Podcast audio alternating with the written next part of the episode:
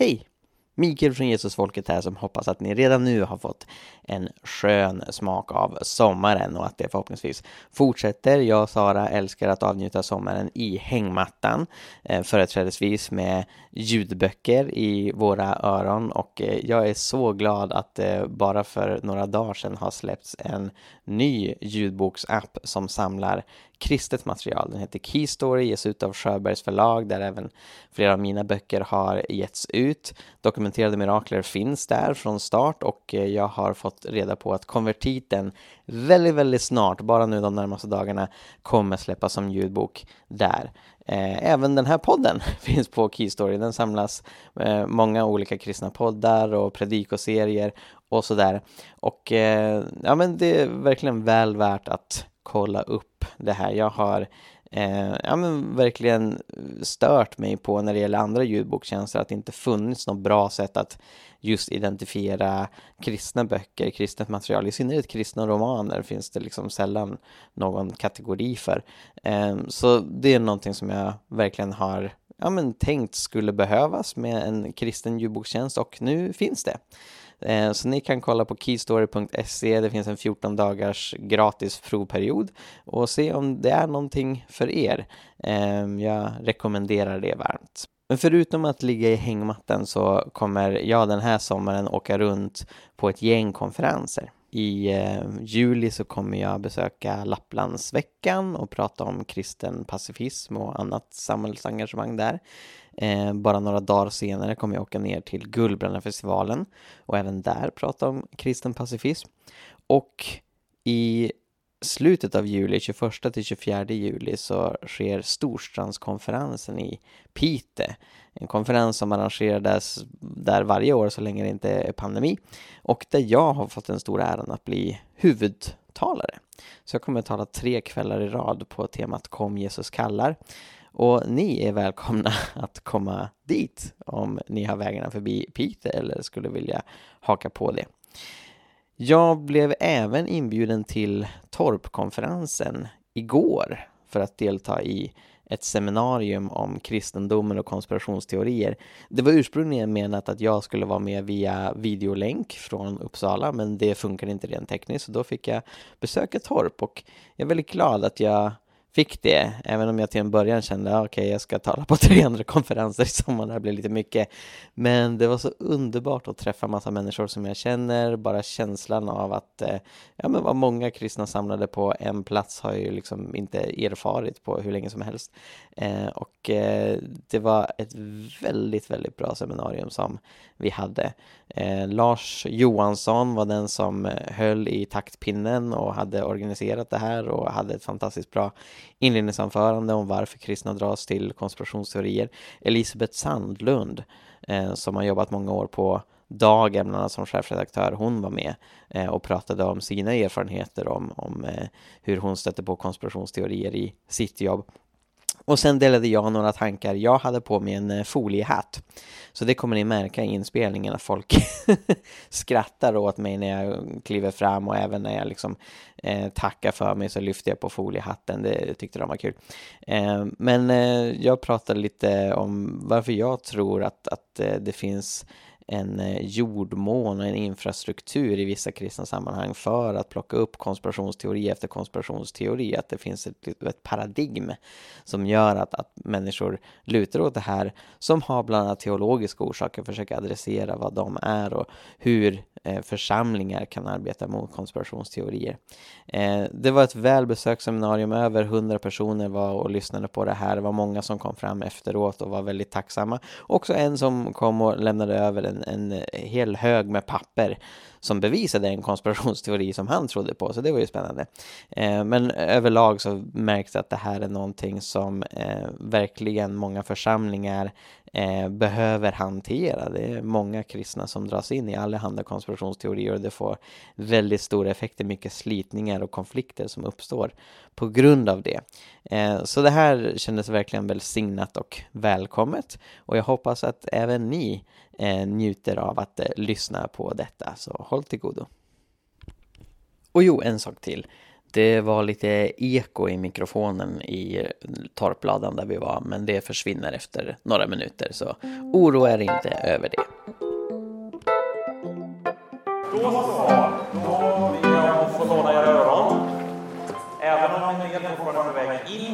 för att det här var ju ett högintressant seminarium kan man se, så behöver vi börja så vi hinner klart i tid.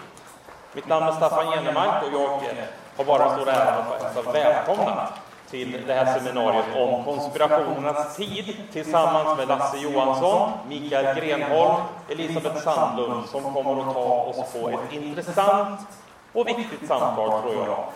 Så jag bara leder i bön och sen lämnar jag över till Lasse. Vi ber tillsammans. Herre, vi tackar dig för att du är här med oss och för att du är alltings Herre. Och du är också den som kan ge oss vishet och klarsynthet att se din väg och hur vi ska tänka om allt som vi möter runt oss. Jag ber för det här seminariet att det får bli till välsignelse, uppmuntran och vägledning för oss. Tack för att du är här. I Jesu namn. Amen. Tack Staffan. Det är lite eko här och eh, jag hoppas att ni hör. Jag, så säga, jag arbetar på AT, militärteknologi. Jag har eh, god eh, SUR-assistans av Elisabeth Sandlund och Mikael Grenholm och kanske presentera sig själva lite närmare allt eftersom. Varför ett seminarium som det här? Ja, faktum är att jag backar redan där. Så många förklaringsmodeller som pågår i världen och i olika länder har under senare år skapat stora motsättningar i familjer, i släkter, i församlingar och samhällen. Olika tolkningsmodeller konkurrerar med varandra. Och det handlar ofta om teorier som är väldigt vidlyftiga som kanske kallas konspirationsteorier. Och dagens ämne är egentligen alldeles komplicerat och svårt att täcka in i ett sånt här begränsat seminarium. Och samtidigt är det så pass viktigt att någon behöver säga något om det som en start. Vi befinner oss i en situation där konspirationsteorier som länge sågs som ett marginellt fenomen nu har blivit mainstream som en forskare Alltså, det. Om man flyttar fram högtalaren och flyttar ett steg bakåt. Ja. Vi hoppas, om jag gör det, blir det bättre? Nej. Lite.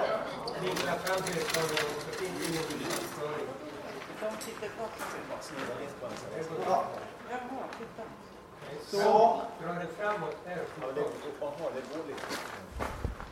Så. Så. Fint. Vi hoppas. Ja, det blir bättre. Tack. Stort tack. Och, men vad är konspirations och konspirationsteori? Ja, först ska vi säga verkliga konspirationer finns. Vi ser exempel på det i Bibeln, Nya Testamentet. De första Jesus utsatts för sammansvärjningar, de första kristna, mordet på Julius Caesar, mordet på Gustav III, tobaksindustrin försökte länge lura oss att det var hälsosamt att röka. Så här håller det på. Watergate-skandalen, IB-affären, Enronskandalen, NSA-skandalen avslöjade att vi blir avlyssnade eh, via mobilerna väldigt.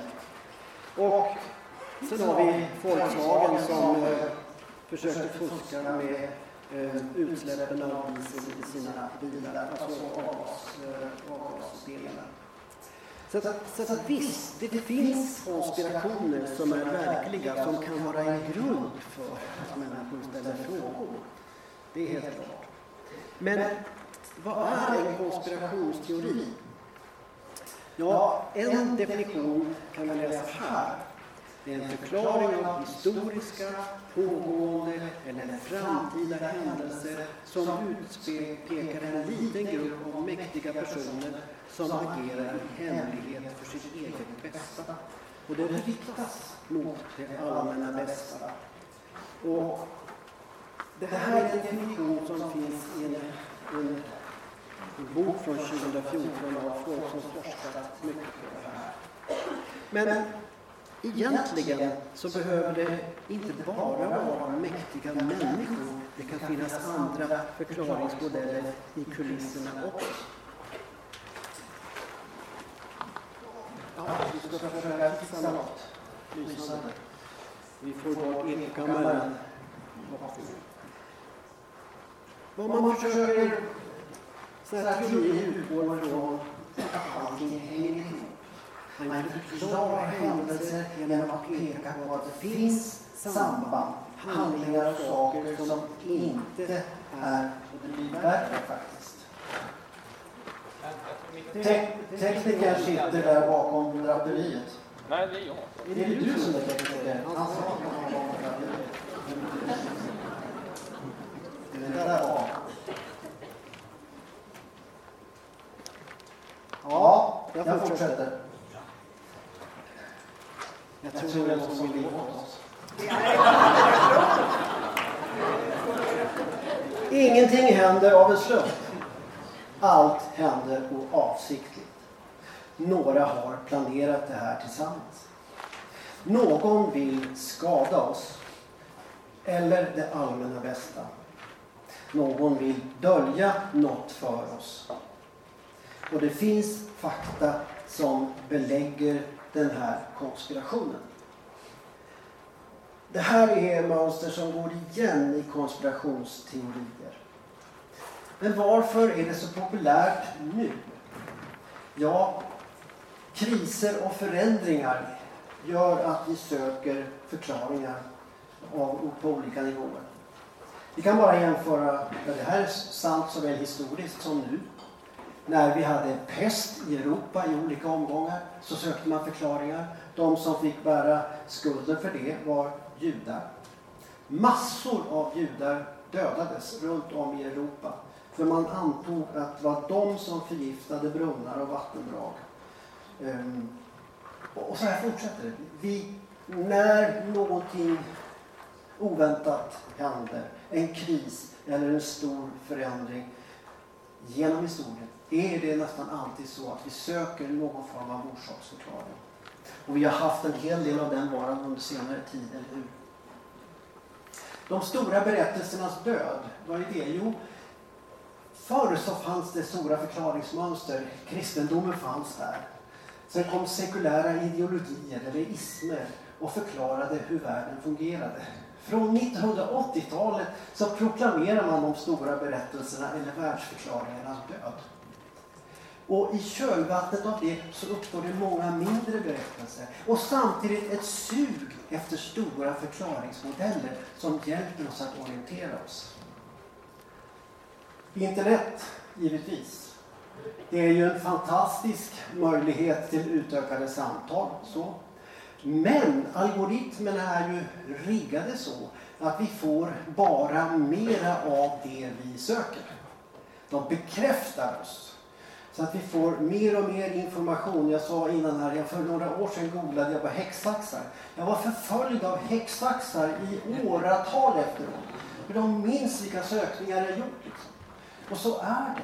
Vi hamnar, som man har sagt, i olika filterbubblor där våra åsikter bekräftas, kort och gott. Och det här är ju en gödning för särskilda förklaringar. Också säger en enorm spridning av det. Och så har vi förstås pandemin som ligger som en stor förklaring här. En bok som heter Konspirationsfeber av Kent Werne. Väldigt intressant. Han säger så här i inledningen. Gränsen för feber går runt 38 grader. Strax därunder hade konspirationstron rört sig i några år. Pendlat mellan 37 och 38 grader. Men så inträffade något som framkallade en reaktion. I slutet av januari 2020 började temperaturen stiga. Först långsamt, sedan snabbare. Och snart drabbade vär, drabbades världen av konspirationsfeber. Feber, febern närdes av misstro och rädsla, upprätthölls av miljontals aktörer i ett pulserande informationsomlopp, hetsade folk att bränna mobilmaster och protestera mot nedstängningar. Den äventyrade människors liv och hälsa, satte press på internationella organisationer och stora techbolag, göddes av Donald Trumps propagandakrig och kulminerade den 6 januari 2021 i stormningen av Kapitolium. Det här är berättelsen om hur detta kunde hända och allt började med ett mystiskt virus. Och så kommer en otroligt intressant redogörelse för hur uppbyggnaden av detta var, gick till. Så på sätt och vis var pandemin den perfekta förutsättningen för en explosion av konspirationsteorier. Och det är ju, vi blir väldigt osäkra när det gäller förklaringsmodeller och liknande. Och vi famlar efter förklaringar och det nya nätet hjälper oss här och göder oss. Och det finns en radikaliseringsprocess när det gäller sådana här frågor. Först kan man börja fundera över hur saker och ting verkligen hänger ihop. Ehm, man startar kanske i verkliga händelser, rör sig på en nivå där, man, där det finns fakta att tillgå. Så där man gradvis för, liksom funderar över hur kan det komma sig att Epstein, ni vet han som var anklagad för de här sexuella handlingarna, hur kan det komma sig att han dör i en cell? Eh, varför dog Lady Diana? Diana? Eh, och så vidare. Och så bygger man vidare och så menar man inom forskningen att man gradvis lämnar verkligheten. Man börjar spekulera kring frågor som kan verka ganska harmlösa. Att aliens kidnappar människor, att Greta Thunberg kommer från en annan tid eller att prins Charles är en vampyr, det är punkt två. I trean så börjar man förneka den etablerade vetenskapen. Och där man sätter kanske det är viktigt att vara skeptisk till vetenskapen i många fall. Va? Men man kanske blir överskeptisk, överkritisk till vetenskapliga förklaringar. Man kan börja tala om att ja, men det måste vara så att covid har skapats i ett labb med, med, med flit. Eller att den globala uppvärmningen bara är en bluff. Eller att flygplanen sprider giftiga gaser som påverkar oss.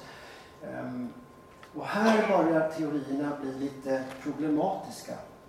På punkt, på punkt 4 så hamnar man i någon slags gräns som är ännu längre bort.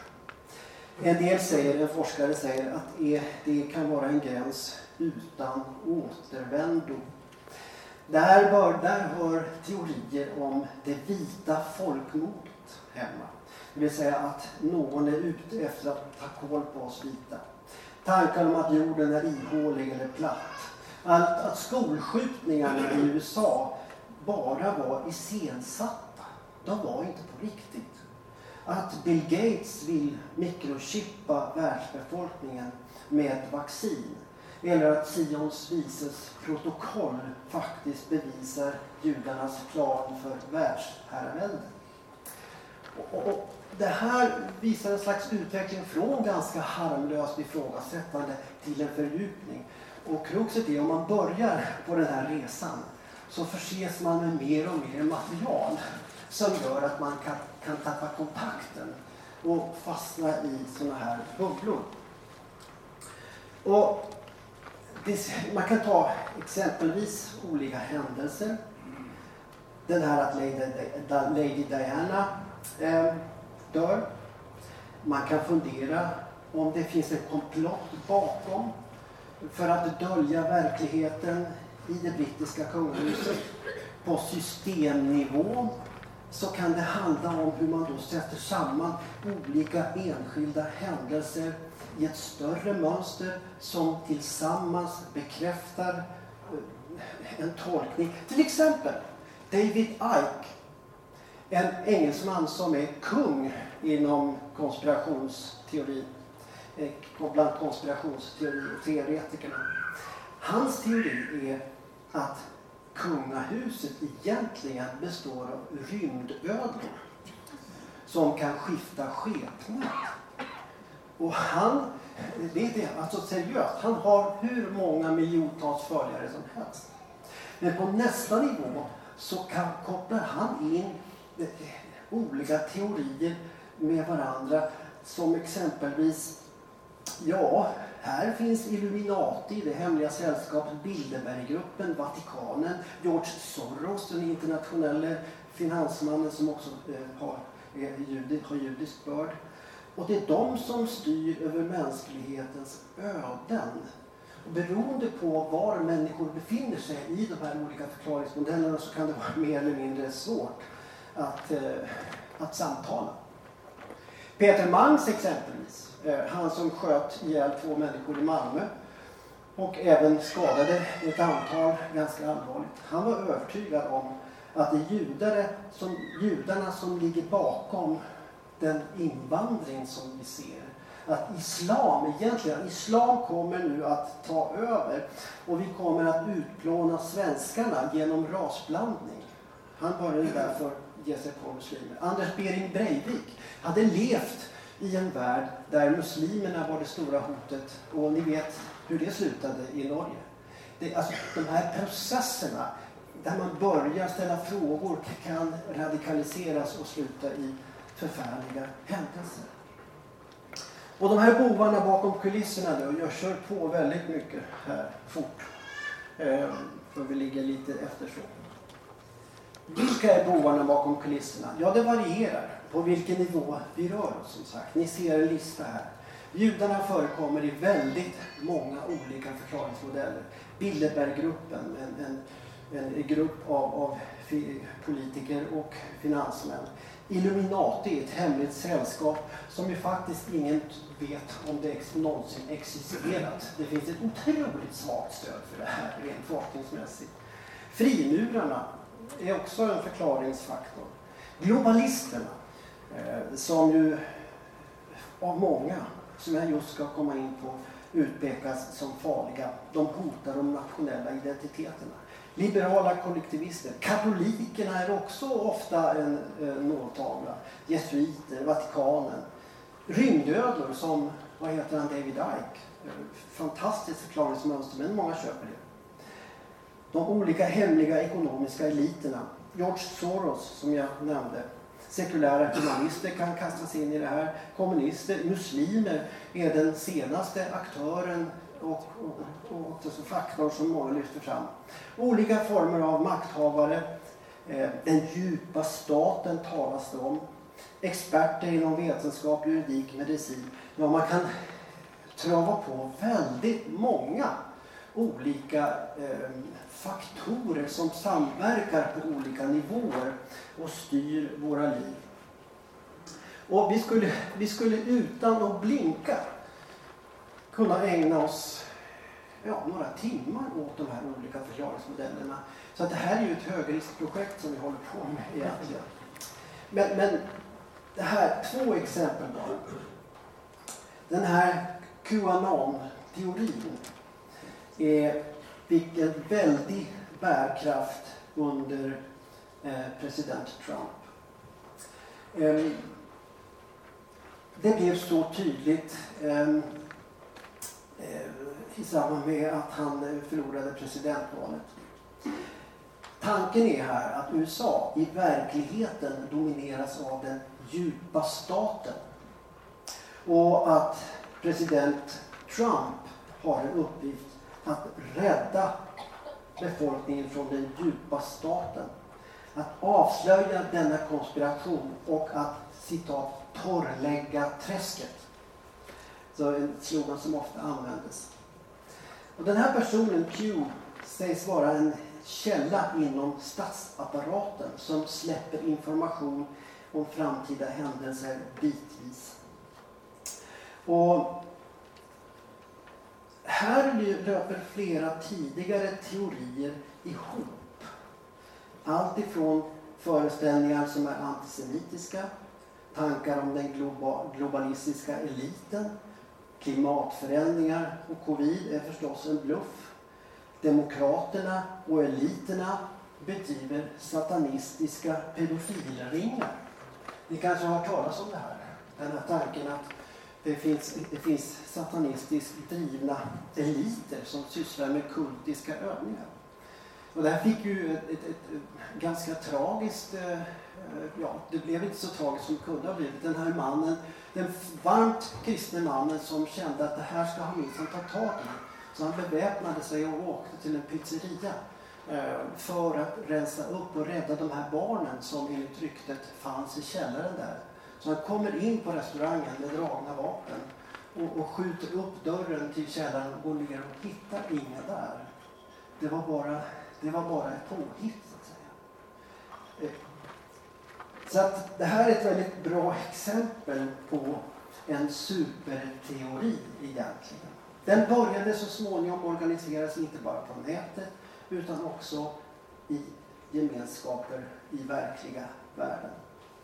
Och så satte den här rörelsen igång och man kunde väcka gehör bland olika milisgrupper i USA. Evangelikala församlingar började tro på det här. Hälsointresserade föreningar och mödrar som var oroliga för sina barn. Så småningom så trappar det här upp. Ehm, och när Trump förlorade presidentvalet, då blir det extra laddat. Då började spridas teorier om att valet hade stulits eh, och människor svalde dem rakt av för att eh, man såg väldigt allvarligt på det här. Och så den 6 januari så stormar man Kapitolium och det är inte vilken dag som helst. Det är 13 dagen i kyrkokalendern Epifani, alltså uppenbarelsens dag. Eh, så, så eh, då samlades man för att storma Kapitolium och de här radikaliserade anhängarna till Trump följde räddargestaltens uppmaningar och så vidare. Och de var påhejade av en man som heter Alex Jones som är stor när det gäller konspirationsteorier. Och ja, ni ser att det kan börja ganska beskedligt och sen kan det gå iväg och verkligen till och med leda till att många människor förlorar livet. En annan person, Alexander Dugin. Ingen skriver om det här i svensk press. Jag tycker det är konstigt. Han är filosof och ideolog och står Putin nära. Han eh, har en hemsida som heter katechon.com Alltså katechon är grekiska och är hämtat direkt från Andra Thessalonikerbrevet 2.7. Där det talas om den som står laglöshetens människa emot. Det är katechon. Och så tolkar Alexander Dugin in ett drama som står, det står mellan det liberala väst som representerar laglösheten och en kultur där man tänker att man måste göra motstånd och lagra den som gör motstånd. Det är Putin.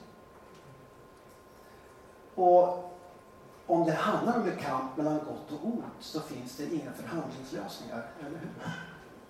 Eh, det intressanta är att jag har en intervju här med Alex Jones som sponsrar, som hejar på Trump. Och Alexander Dugin. Den ligger ute på hans hemsida, katecon.com. Gå in där och kolla otroligt eh, märkvärdig information. Det handlar här om en kamp mellan gott och ont. Och jag ska verkligen släppa taget och släppa fram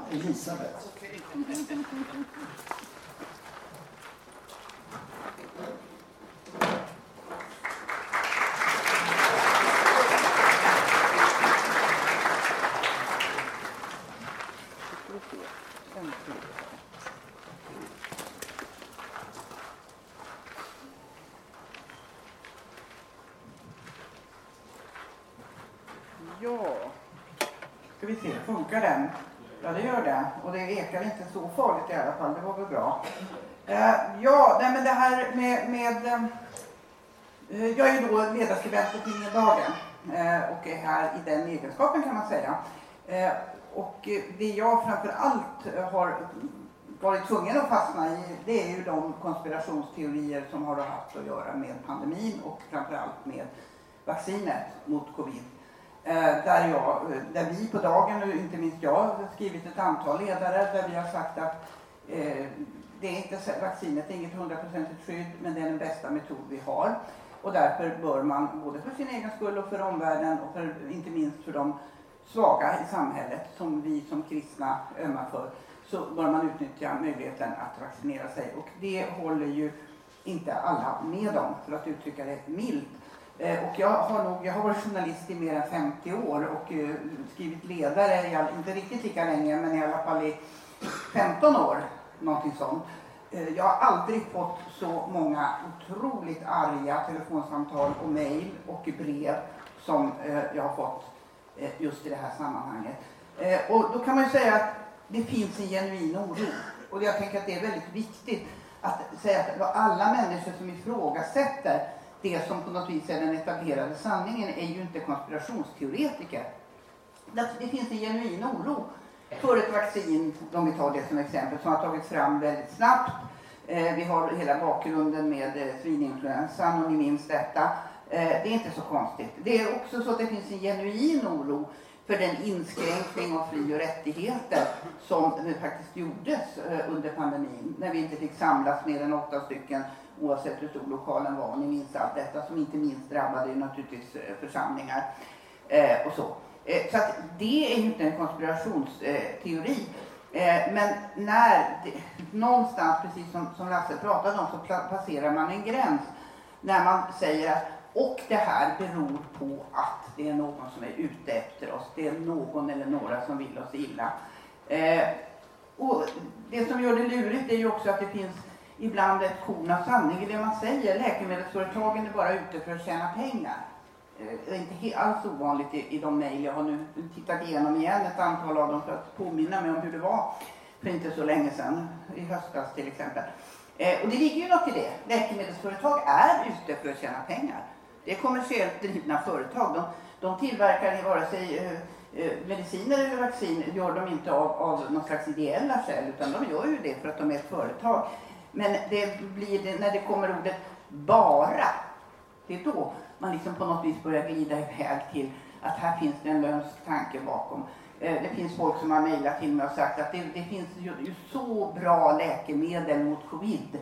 Och ibland är det D-vitamin och ibland är det det här malariapreparatet som all vetenskaplig forskning har visat inte hade någon effekt alls. Eh, Trump trodde ju på det. Men, men det visade sig att det stämde ju inte. Eh, Det kan vara allt möjligt. Men de stoppas därför att läkemedelsföretagen ska tjäna pengar på vaccin. Då har man hela förklaringsmodellen och då är man på väg över i detta. Ehm, så att det, det, det, det och jag, jag slås av när jag tittar på det så här i efterhand på den här märkliga blandningen mellan en djup misstro mot det man skulle kunna säga är etablerade auktoriteter. En misstro mot eh, merparten, den absoluta merparten av världens forskare, den absoluta merparten av myndigheter och så vidare. De misstror man, men däremot hakar man sig fast i eh, auktoriteter som man på något vis har kommit i kontakt med. Och där har man tvärtom en fullkomlig hundraprocentig tro på vartenda ord som sägs och det ena ger det andra. Det är en, det är en märklig blandning av eh, motstånd mot auktoriteter och blind auktoritetstro. Och det gör det ju lite svårare att komma åt, tänker jag. Ehm, ehm, eh, jag, jag eh, det, och det här är ju, det är naturligtvis så att de som läser tidningen Dagen har ju för nästan genomgående har de ju en kristen tro. Eh, och det finns ju också ett sådant inslag i en hel del av detta. Eh, och jag har ju fått ett antal beskyllningar att problemet med mig är att jag, min tro är för svag. Om jag bara trodde tillräckligt mycket, då skulle jag inte behöva, då skulle jag inse att ingen behöver vaccin. För är man kristen så blir, kommer ju Jesus att rädda en om man nu skulle råka komma i kontakt med den här smittan. Men eh, eftersom jag då uppenbarligen har så svag tro så propagerar jag för någonting som i själva verket kommer att ta livet av folk. Eh, det, sådana där saker är ju väldigt svåra att på något vis bemöta. Eh, och eh, mitt svar har de gångerna när jag har haft tillfälle att svara någon så har det varit att min uppfattning är att Gud verkar på väldigt många olika sätt. Genom mirakel och under, men också genom läkare och forskare. Självfallet så kan Gud använda modern vetenskap eh, också. Men det brukar inte bita på dem som hävdar att min tro är för svag och att det är, det är hela, hela problemet. Eh, Lasse var ju inne på detta med, med eh, den snabba spridningen via, via eh, sociala medier. Eh, och det tycker jag att jag har stött på vid så många olika tillfällen. Människor som inte förstår hur detta med algoritmer fungerar. Utan det, när varje gång jag går in på Youtube så får jag nya bevis på hur rätt jag har. Och när man då försöker säga att jo, men det beror ju på att du ser ju bara det som stöder det du redan tidigare har sett. Så tror det, alltså det är verkligen så att det, man tror inte på det. Jag, jag har ju en dotter som heter Ulrika som har en intellektuell funktionsnedsättning. Hon kan inte läsa och skriva. Men hon är fantastisk på att surfa på Youtube. Och nu har hon hittat en, en amerikansk eh, eh en, en kille som har en grey, vad heter det, en Grand Danois, ni vet, de som är nästan som små hästar. Och så går han, eh, går, går eh, han runt med den i olika miljöer. Eh, och efter att hon har tittat på en sån film så kommer det ju nya Grand Danois-filmer hela tiden. Eh, hon kan inte läsa, hon kan inte så vitt jag vet engelska. Men det spelar ingen roll för hon kommer ändå få väldigt många Grand Danois-filmer sin, på sin eh, surfplatta ett tag. Och sen kanske hon råkar hamna på någon annan hundras och då kommer de. Det är ju så det funkar. Eh, och jag fick ett mejl, en kvinna som, som var så upprörd just över att jag hade skrivit i en ledare om att man måste sätta sig in i och förstå hur algoritmer fungerar och hur filterbubblor uppstår.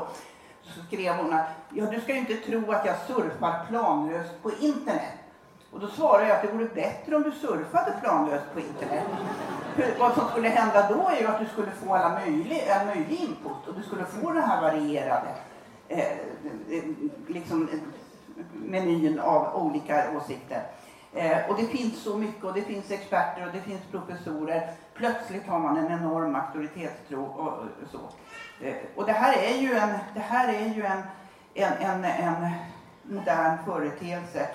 Eh, och det här på något vis så, så tänker jag, som, precis som Lasse sa, konspirationsteorier har alltid funnits. Men det sätt de gör, ger sig till känna idag, med den snabbhet de sprids och, och eh, över världen, Eh, och där det är så lätt att det kommer igång nya. Det, det är faktiskt skrämmande. Eh, faktum var att eh, jag delade, på väg hit så råkade vi på dela taxi med två stycken killar som skulle till Ericsson, eller något företag som låg i deras område i Kumla. Och de, precis när de klev av så började de fråga dem vad, vad, jag, vad, vi, vad jag skulle. Och jag sa att jag skulle ha ett seminarium om det här eh, och, och, och vara med på det. Och då säger en av dem direkt så här att jag man säger ju det att det är så mycket censur nu för tiden och att man ska inte stoppa saker på internet. Men det har man väl alltid gjort, sa, sa han. Förr i världen om det skrevs en väldigt knasig insändare, inte tog lokaltidningen in den, den hamnade ju i papperskorgen. Eh, och det, det, det, är en ganska eh, intressant tanke att då tyckte man inte det var konstigt. Jag har ju som sagt varit journalist länge och varit gatekeeper, en av dem som har bestämt vad ska komma i tidningen, vad ska inte komma i tidningen. Det har varit en naturlig roll. Men när, när de företag som, som driver våra sociala medier börjar fundera i banor att man ska faktiskt inte släppa fram vad som helst, då blir det plötsligt väldigt hotfullt. Men det är ingenting nytt, det är ingen ny företeelse. Ja, det finns mycket att säga om detta och jag skulle kunna läsa upp citat som skulle få er att baxna. Men eh, till exempel eh, om, om mitt DNA förändras, vilket den här personen är övertygad om att det gör, om man tar en spruta. Vem är jag då när jag en dag står inför min himmelske fader? Jag har inte längre det DNA som jag skapades med. Jag har personligen hört en av cheferna på Moderna erkänna inför kameran att vaccinet är DNA-förändrande. Eh, och då har man hittat något sånt klipp. Eh, en annan person som skrev eh, Ditt sätt att uttrycka dig på är att jämföra med de som banade väg för nazisterna på 30-talet. De var medlöpare som starkt bidrog till att miljoner människor dog. Eh, då har man gått ganska långt i i, i, och tappat eh, en, en kvinna, tror jag, eller man, men jag tror att en kvinna måste ha ägnat dagar åt att sammanställa en massa olika bevis på hur fel jag har. Eh, och eh, den här personen hävdar då att om det är så att du själv har tagit den här sprutan så är du i princip redan död. För i den fanns det, finns det ämnen som nu håller på att äta upp dina inälvor inifrån. alltså hur många av er skulle faktiskt skriva det till en okänd person och påstå något sånt. Men det, det, det liksom ingår i det här sättet att bearbeta och lägga på lager på lager av, av vanföreställningar. Det är, det är jobbigt, vi måste motverka det. Det stora problemet är ju, vad gör man? Hur, hur gör man? Hur hanterar man detta eh, på ett vettigt sätt? Och vad som kan skrämma mig lite, det är ju att när, när jordmånen nu är beredd och verkligen har växt upp eh, och konspirationsteorierna har frodats, vad kommer att hända i höst? Anta, vi, vi ser ju hur, hur, hur rörigt det är i politiken, hur opinionen svänger, hur jämnt det är mellan blocken och så vidare. Anta att vi får ett valresultat som blir väldigt nära 50-50. Kommer vi att hamna i en amerikansk situation där grupper av människor på vilken sida av gränsen som helst kommer att hävda att det här valet är stulet? Hade bara inte de där valsedlarna för partiet X försvunnit ur den och den vallokalen och lagts undan av någon som ville dem illa, då hade det tippat över, då hade vi fått en annan regering. Och det här är någon som styr. Alltså, jag säger inte att det blir så, men jag kan känna en risk med tanke på det som det har varit den senaste tiden. Att det finns människor som skulle kunna falla för den frestelsen, eh, gå i en sån fälla och börja sprida sådana tankar även i Sverige. Eh, så det, det, det, är svårt att bemöta, det är nästan omöjligt att bemöta, men vi måste ändå försöka samtala om vad gör vi, hur motverkar vi det utan att slänga ut barnet med badvattnet, utan att säga att man ska inte kritiskt ifrågasätta, för det är inte det det handlar om. Självfallet ska, ska också vedertagna eh, vetenskapliga, så kallade vedertagna vetenskapliga sanningar ifrågasättas. Det är någonting helt annat. Eh, men man måste ändå kunna hålla isär vad som är det osunda och det som faktiskt är just det sunda ifrågasättandet. Eh, när man ställer sig frågan, kan detta verkligen stämma? Ja, och det är ju normalt en roll som vi journalister bör ta på oss. Vi, vi, vi ska vara experter på att granska fakta, eh, söka sanningen Eh, och se vad, vad är det något, vad, vad, kan vi vara överens om? Vi kan ha eh, olika tolkningar av fakta. Men vilka fakta är det vi faktiskt kan vara överens om och utgå ifrån? Och det tror jag är en uppgift som blir viktigare och viktigare för journalistiken ju mer de sociala medierna tar över informationsflödet. Just den delen av journalistiken där man granskar, ifrågasätter och försöker hitta en gemensam plattform att stå på, den tror jag kommer att bli ännu viktigare i framtiden. Jag tror jag slutar där, så håller jag tiden ungefär.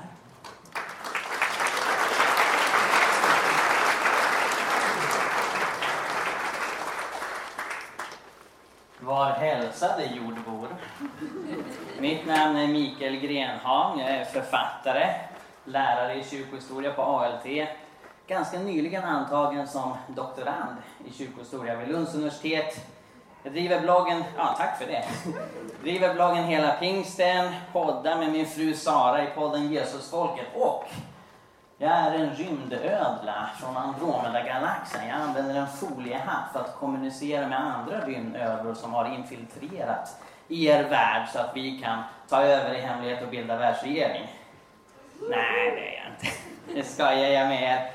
Eh, men det här med foliehatten, alltså den dök ju upp först för att skydda ens tankar från regeringen så de inte läser ens tankar. Sen snappades det um av UFO-entusiasterna och tänkte att det hjälper oss att kommunicera med utomjordingar. Så mindre Magdalena Andersson och, och mer aliens. Det är väl själva tanken. Skämt åsido så kan, som vi har varit inne på, konspirationsteorier vara väldigt destruktiva. Jag minns att jag hade, eh, jag uppskattade verkligen en amerikansk bloggare.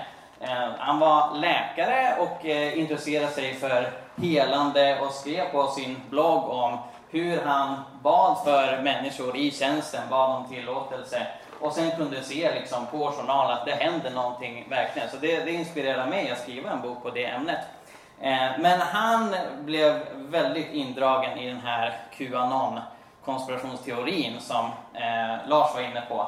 Eh, till den grad att han på sin blogg idag knappt skriver något om helande eller Bibeln eller Jesus överhuvudtaget, utan de flesta blogginläggen går ut på att dokumentera vad Q, den anonyma ledaren för den här konspirationsteorin, skriver och sen uttolkar det. Så det har blivit liksom som en, en ny religion för honom, även om han fortfarande kallar sig kristen. Men det är det som blir hans fokus. Konspirationsteorier kan splittra familjer, det kan splittra församlingar. Ibland kan det leda till enorma lidanden. Eh, motståndet till att ställa om till ett hållbart fossilfritt samhälle där vi undviker dödliga klimatkatastrofer drivs väldigt ofta av konspirationsteorier. För några år sedan så arrangerades en konferens för så kallade klimatskeptiker av Heartland Institute i USA. Eh, och där fanns det folk som argumenterade för att klimatförändringar överhuvudtaget inte finns. Jorden blir i själva verket kallare. Det fanns folk som sa nej men klimatförändringarna finns men det beror inte på våra koldioxidutsläpp och så vidare, det beror på vulkaner. Det fanns andra som sa nej men klimatförändringarna finns, de beror inte på vulkaner, de beror på solen. Och så fanns det någon som sa nej men det beror på oss människor men vi kan ändå inte stoppa dem. Så det spelar ingen roll att liksom ställa om från det fossildrivna samhället. Det här går ju inte ihop. Det var massa människor som var samlade på samma konferens och argumenterade för radikalt olika idéer men de var alla överens om, ja men de där med IPCC och liksom det, all, allt det är en, en hemlig konspiration för att liksom föra oss in på fel, fel rutt. Så, så det, liksom, det, det användes på ett sätt för att driva den agendan även om de enskilda detaljerna inte gick samman. Samma sak kan observeras på typ plattjordskonferenser. Folk är rörande överens om att jorden är platt. Men sen när det kommer till detaljer om hur den faktiskt ser ut, då kan man få alla möjliga olika former och färger, alltifrån diskar till pepparkaksgubbar och allt annat. Något som, eller något som har fascinerat mig väldigt mycket är hur det är tydligt att det kan bildas en jordmån för konspirationsteori. Det kan bildas en infrastruktur där en konspirationsteori leder in på en annan. Och det har man kunnat se i flera studier. Det är sällan som folk bara tror på en konspirationsteori. Utan man liksom plockar upp fler och fler. Och ibland kan det här gå otroligt snabbt. Så till exempel, eh, vi var inne på det här då med kalabaliken efter det senaste presidentvalet i USA när Trump utropade sig som segrare trots att det inte gick att backa upp. Än idag så tror 60% majoriteten av USAs vita evangelikala, på the big lie som den här konspirationsteorin kallas. Trump vann egentligen valet, sen stals det ifrån honom. Och 60% tror det. Och väldigt, väldigt många av dem, miljontals, omfattar den här konspirationsteorin dagar eller till och med timmar efter att den först hade formulerats. För att den drevs på av ledare i ett politiskt parti. Alltså den, den hade ju enorm kraft och det är förmodligen den konspirationsteori som har prövats juridiskt mest av alla. För att den har varit uppe i över hundratals rättsfall där man då försöker belägga att det här valet har stulits och det går ju inte att belägga så det har inte gått så bra för dem. Men det här är någonting som folk anammade jättesnabbt. För att en person som Donald Trump, som en väldigt karismatisk person i den sekulära bemärkelsen, får många anhängare och det är många som liksom vill tro att det han säger är sant. Även när det gäller då med konspirationsteorier relaterade till corona så är jag också fascinerad över hur snabbt många kan bli övertygade om. att det är ju det här om att Bill Gates använder coronavaccinet för att förvandla vårt DNA så vi blir ateister. Eller för att citera den brasilianska presidenten Jair Bolsonaro, göra oss till krokodiler. Ja, han har hävdat det. En president för ett gigantiskt land. Eh, så, så då, då hävdar man, men det är precis det Uppenbarelseboken talar om. Det är precis det som Uppenbarelseboken 13 med bildjurets märke, det står ju där. Och när jag har stött på folk som tror det här så har jag frågat, kan du peka mig på en enda person i hela kyrkohistorien som har sagt att det är det här Uppenbarelseboken talar om innan år 2020? Det går ju inte. Men det är ändå det som Uppenbarelseboken så tydligt talar om. Något som eh, jag fascineras väldigt mycket av, det är den klassiska filmen eh, Left Behind från år 2000. Det kom ju en ny 2014 med Nicolas Cage, den har jag inte sett. Men min fru Sara sa, du måste se Left Behind med mig. Den här fick jag se i ungdomsgruppen och det skärrade mig in på benen. Så vi såg den tillsammans. Där finns en karaktär som heter Dirk. Och han är superkonspirationsteoretisk. Han pratar osammanhängande om att nu kommer det bildas världsregering och nu kommer det bli en enda stor världsvaluta och det är liksom förberedelse för antikrist och så vidare. Och skådespelaren som säger det här gör verkligen sitt yttersta för att framställa sig själv som en så här eh, riktigt galen konspirationsteoretiker. Och filmen visar ju att han hade rätt. Europa och Korea har skaffat gemensam valuta sägs det på radion för att enligt de här amerikanska filmskaparna är Europa och Korea två olika länder tydligen. Och, och, och, det är liksom förberedelse för att Antikrist tar över liksom via FN. Allt det som Dirk sa var sant, vilket gör att Antikrist skickar ut en sniper att döda Dirk så att han inte kan berätta om det här. Det är en legitimering av ett konspirationsteoretiskt tänkande som det har funnits aspekter av i hur vi har pratat om den sista tiden sedan 1800-talet. Om man tittar på hur kristna tänkte i sista tiden innan dess, då var det inte lika konspirationsteoretiskt. Men det, det är någonting som har odlats här, det är någonting som har kommit in, som jag tror kanske har stärkts av väckelsekristendomens alltså och frikyrkorörelsens ja, men tydliga minoritetsställning, som gör att man upplever sig som en underdog, och då är det lättare att anamma det här. Så jag tror att en skev eskatologi som bygger mycket på rädsla, som tillskriver antikrist mer makt än Gud, jag tror också att, att, jag, jag tror att det kan bidra till konspirationsteorier i kristna sammanhang.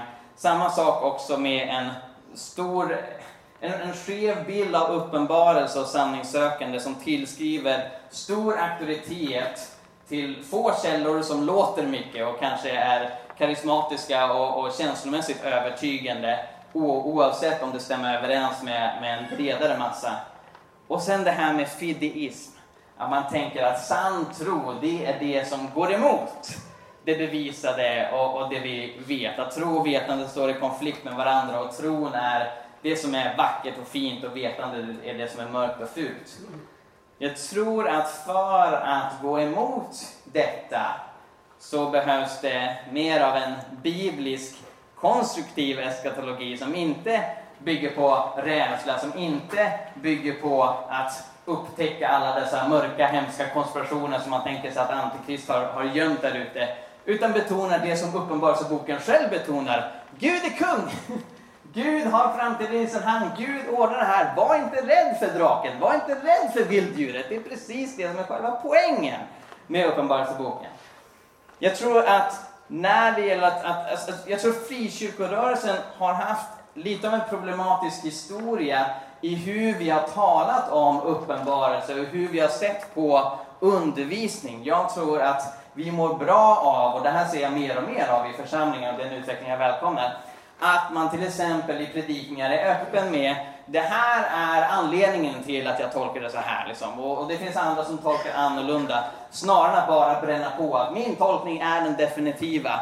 Samt att man har mer och mer samtal man fångar upp predikningarna under kyrkfikat, att man har liksom en gemensam, ett gemensamt sanningssökande i församlingarna tror jag kan hjälpa oss komma bort från de här tankebanorna som kan leda in omedvetet mot ett mer konspirationsteoretiskt sätt att tänka. Och för att utmana fideismen så skulle jag vilja eh, betona att det inte finns någon motsättning mellan tro och vetande, att stärka sund apologetik i församlingarna där man tar hjälp av skäl och argument och bevis för att stärka den kristna tron. För att om den kristna tron är sann, då är sådana saker inget hot mot kristendomen, utan vi kan ta hjälp av eh, vetenskap och skäl och argument för att visa att tron på Jesus som Herre är den sanna. Nå, sen skulle jag också vilja slå ett slag för att bemöta konspirationsteorier med fakta. Jag vet av egen erfarenhet att det kan vara väldigt svårt. Därför att ens upplevelse är ofta, man hör då en, en knasig teori som man själv tycker är knasig, och säger man ah, okej, okay, men det är ju faktiskt så här. Och det ger ju redan det resultat man vill se. Va? Det är otroligt sällan som konspirationsteoretiker säger jaha, okej, okay, jag hade fel. Och, och, det är något universellt, det är något, något allmänmänskligt. När man liksom satsar på att främja en åsikt eller en idé så investerar man mycket tid och energi i det, det tar emot att ändra sig. Men det jag ser fler exempel på att även om man i stunden kanske inte genererar så mycket omvändelse eller omtänkande när man liksom går emot de här konspirationsteorierna så är det många som har lämnat konspirationsteorier som kan vittna om det var väldigt betydelsefullt när jag fick höra de här fakta. Ett exempel på det som, som avslutande illustration eh, jag med vän Stefan Svärd skrev en bok som kom ut 2016 som heter Jesus var också flykting. Och där gick vi emot en hel del konspirationsteorier, inklusive en konspirationsteori som är ganska utbredd i Sverige. Och det är det att Sverige egentligen är ett fattigt land och sen döljer regeringen det. Och det är så man motiverar, varför ska Sverige utvisa människor till ännu fattigare länder eh, som har ännu sämre välfärd och så vidare? Ja, svaret är, men Sverige är egentligen fattigare än Uganda och Jordanien och Pakistan och så vidare. Det är bara att det döljs så. Så vi fick en hel del mothugg. Jag fick en hel del kommentarer och, och, och diskussioner med folk som menar nej men Sverige är ett fattigt land. Hur kan du inte se det? Vi har sådana enorma statsskulder. Jag påpekar, ja det är rika länder som har stora statsskulder. Luxemburg har de största skulderna i världen. Nej men våra pensionärer har det så hemskt. Ja, pensionärer kan få det bättre, men de flesta länder har inget pensionssystem överhuvudtaget. Om man tittar på fattiga utvecklingsländer. Så jag liksom, I, I stood my ground. Jag, jag liksom argumenterade för det jag tycker är en ganska uppenbar sanning, att Sverige är ett av världens rikaste länder och däremot väldigt mycket kapacitet att ta emot flyktingar till exempel. Eh, och jag fick ett sånt uppmuntrande meddelande några år senare. Så det var inte omedelbart, men några år senare så är det en person som kontaktade mig och sa tack så jättemycket för att du bemötte. Liksom, och, och han, han, beskrev hur han var, hade varit liksom, involverad i en främlingsfientlig miljö, känt mycket hat, känt mycket rädsla. Eh, men att saker som bland annat jag hade sagt och skrivit fick honom att tänka till. Han insåg, okej, okay, Sverige är ett rikt land. Eh, och det ledde honom vidare till att helt lämna den främlingsfientliga miljön. Så även om det i stunden kan vara svårt och ibland kan kännas lönlöst så behöver det inte vara det på sikt. Sist men inte minst, ett ord från Jesus som jag tycker talar rakt in i detta. Om ni förblir i mitt ord är ni verkligen mina lärjungar. Ni ska lära känna sanningen och sanningen ska göra er fria.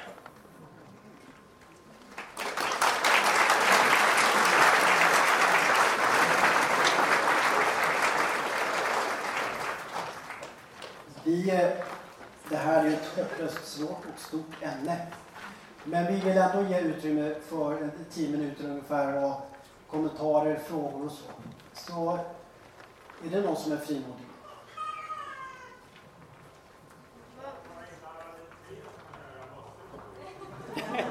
Varför vi inte har alla tre våra mössor på? Vi kanske har, eh, vi kanske har olika kontakt.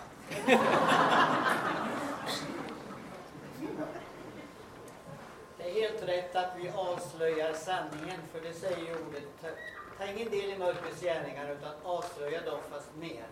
Men hur ska vi få, alltså avslöja lögnen, ska jag säga. Avslöja lögnen. Hur ska vi få tag i sanningen? Hur ska vi få tag i sanningen om till exempel ett visst val i Venezuela eller ett annat land, om det är riggat, om det är korrekt, om det har gått till korrekt Hur får vi tag i sanningen? Medan journalisten får svara det. ja, alltså det är ju, det är ju det är ju journalistikens uppgift som jag sa, att söka faktiskt efter det som är sant. Eh, hur får vi tag i sanningen? Eh, exemplet var ett val i Venezuela. Är det på riktigt? Är det riggat? Eh, och så. Ett sådant val brukar ju då följas av, eh, man har valobservatörer som förhoppningsvis som är neutrala och som inte är köpta och inte mutade utan som faktiskt rapporterar och så vidare. Så det, det finns ju ändå metoder. Men det är ju oerhört, det är naturligtvis en knäckfråga och det är oerhört svårt och man kan aldrig vara riktigt säker på att man ändå har lyckats fullt ut. Och det finns väl många exempel på att man har varit så övertygad om att detta är sanningen. Eh, eh och sen har det visat sig att det var ju inte så. Eh, det, ibland är det lätt att genomskåda om 97 procent eh, av en befolkning röstar på samma eh, presidentkandidat. Då behöver man inte vara liksom vetenskapsstatsvetare för att förstå att det här är rika. Men det är ju de här andra som, är, den, som skulle kunna vara sant men som kanske ändå inte riktigt är det. Jätteproblem, finns ingen enkel lösning. Har ni det? Ja. Nej, men alltså det, det finns ju i, i länder um, som har många olika forskare och människor som undersöker juridiska processer så finns det ju möjlighet att komma närmare sanningen mm. eh, förstås. Och, eh, ja. ja. Vad hette boken du nämnde i början? Som jag nämnde. Den heter Konspirationsfeber. Den är, han har skrivit en till bok som heter Allt är en konspiration. Kent Werne. Jag skulle ha lagt det på powerpointen här. Ja.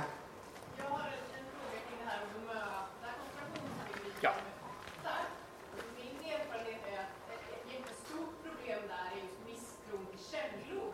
Ja. Alltså hur hanterar man liksom... För på ett sätt så spelar det ingen roll vilka fakta jag kommer med för att man tror inte på källor Nej, och det, det, en del av problemet är att om du har invändningar så betraktas du som en del av konspirationen. Det är grundproblemet. Men genom en slags tålmodighet och generöst bemötande där man inte slår hårt eh, utan stannar kvar eh, och försöker att resonera så kan det faktiskt ske förändringar. Och då kan man ju bara rota i källor och gå ner och titta. Eh, Du har en kommentar, kanske kommentarer kring det här? Ja, nej, men jag tänker också det att, att det handlar om det, eh, alltså Mikaels exempel är ju fantastiskt då, att många år senare så hör en person av sig och säger tack för att du berättade, för att du faktiskt kom med de här fakta. Och jag tänker att det är väl ungefär samma sak som, eh, man skulle ju vilja att när man vittnar om sin tro och talar om hur härligt det är att känna Jesus så skulle folk ju räcka upp handen direkt och säga att jag vill, jag med, tack och man skulle kunna bocka av alla dem. Men det går ju inte till så i verkligheten utan man får se sig själv som en länk i en kedja. Och kanske får man aldrig ens reda på att den där gången när jag stod och pratade på torp eller någon annanstans och, och min väg till tro påverkade någon eh, som också blev påverkad av andra och som så småningom kom till tro. Jag tänker att det är samma sak när man försöker bemöta konspirationsteorier. Att man drar så att säga sitt strå till stacken och så får man vara nöjd med det och inse att jag får kanske aldrig ens reda på att det faktiskt hjälpte till det jag gjorde.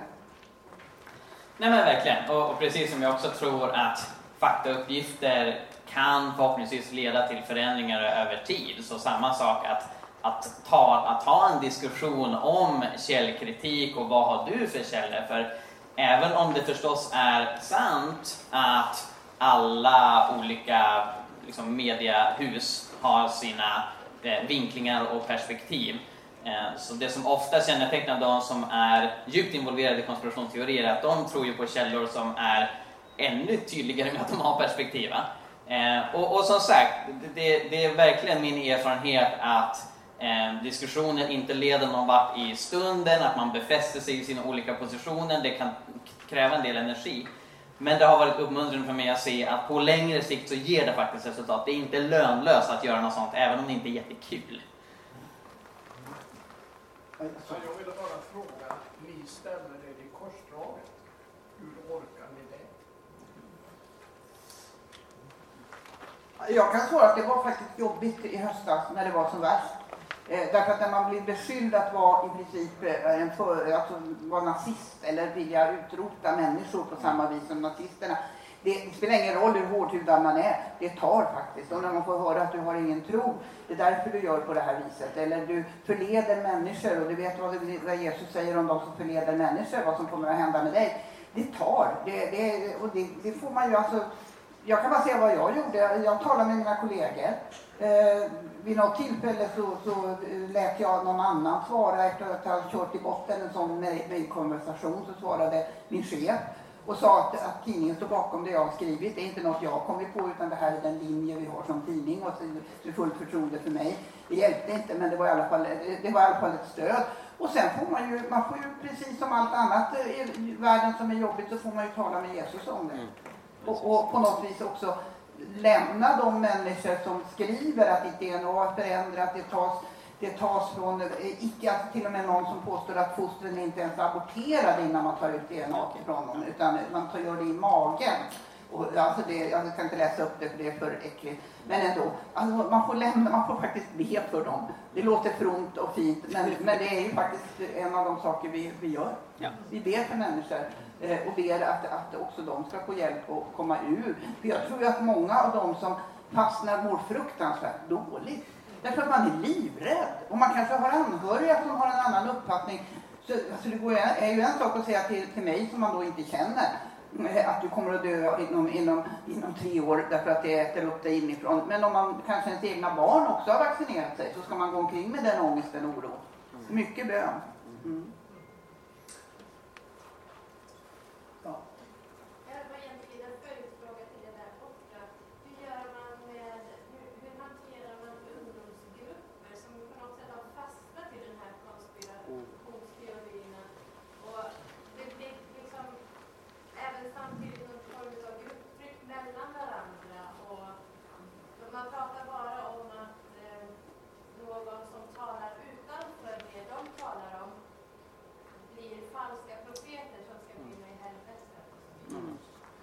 Just det, så frågan är hur hanterar man en ungdomsgrupp som gemensamt går in i det här?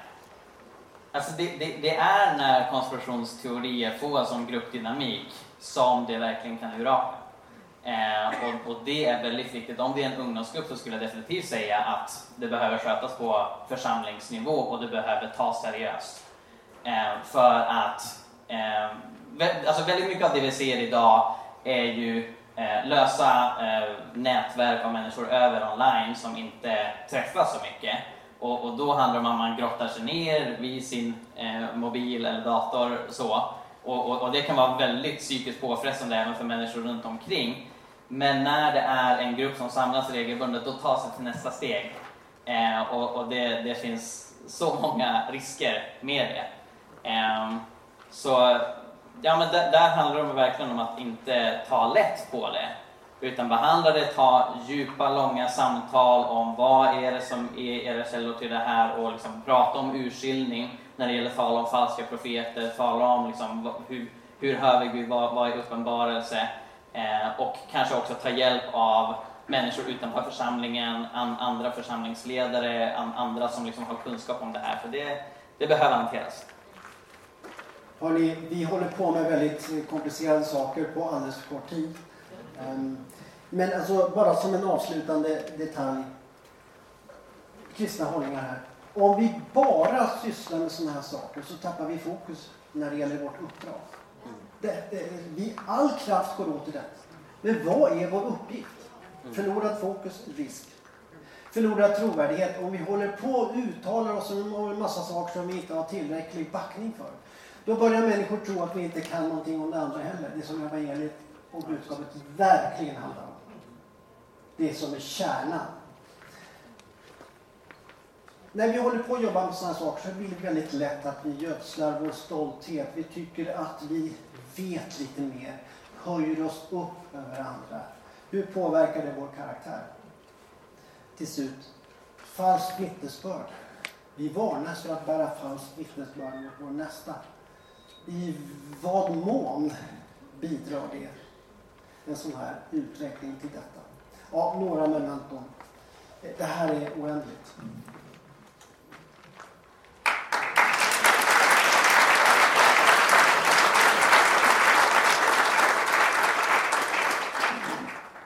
Ja, ni fick applåden innan jag hann säga tack. Eh, men det är väl bara liksom tecken från oss alla att vi är väldigt, upp, uppskattar det här. Väldigt tacksamma för att ni tog er tid att komma hit och prata om det här. Eh, vi får nog redan planera in ett nytt seminarium på samma tema nästa år. Eh, eller vad tror du Lasse? och så är ni varmt välkomna fortsättningsvis under hela konferensen förstås och se vad det finns mer för seminarier. Eh, ni får väldigt gärna lämna en utvärdering efter det här seminariet. De av er som har biljetter kan vända på, skriva där, lämna till mig en liten låda här, eller ta ett kort på QR-koden, och följa den till ett eh, Google-dokument där ni kan få lämna er utvärdering och input. Sen tror jag att de har nog typ några minuter över här, om det är så att ni absolut bara måste låna dem för att ge lite input eller ställa frågor. Men stort tack ska ni ha för att ni kom. Ha en fortsatt fantastisk folkkonferens.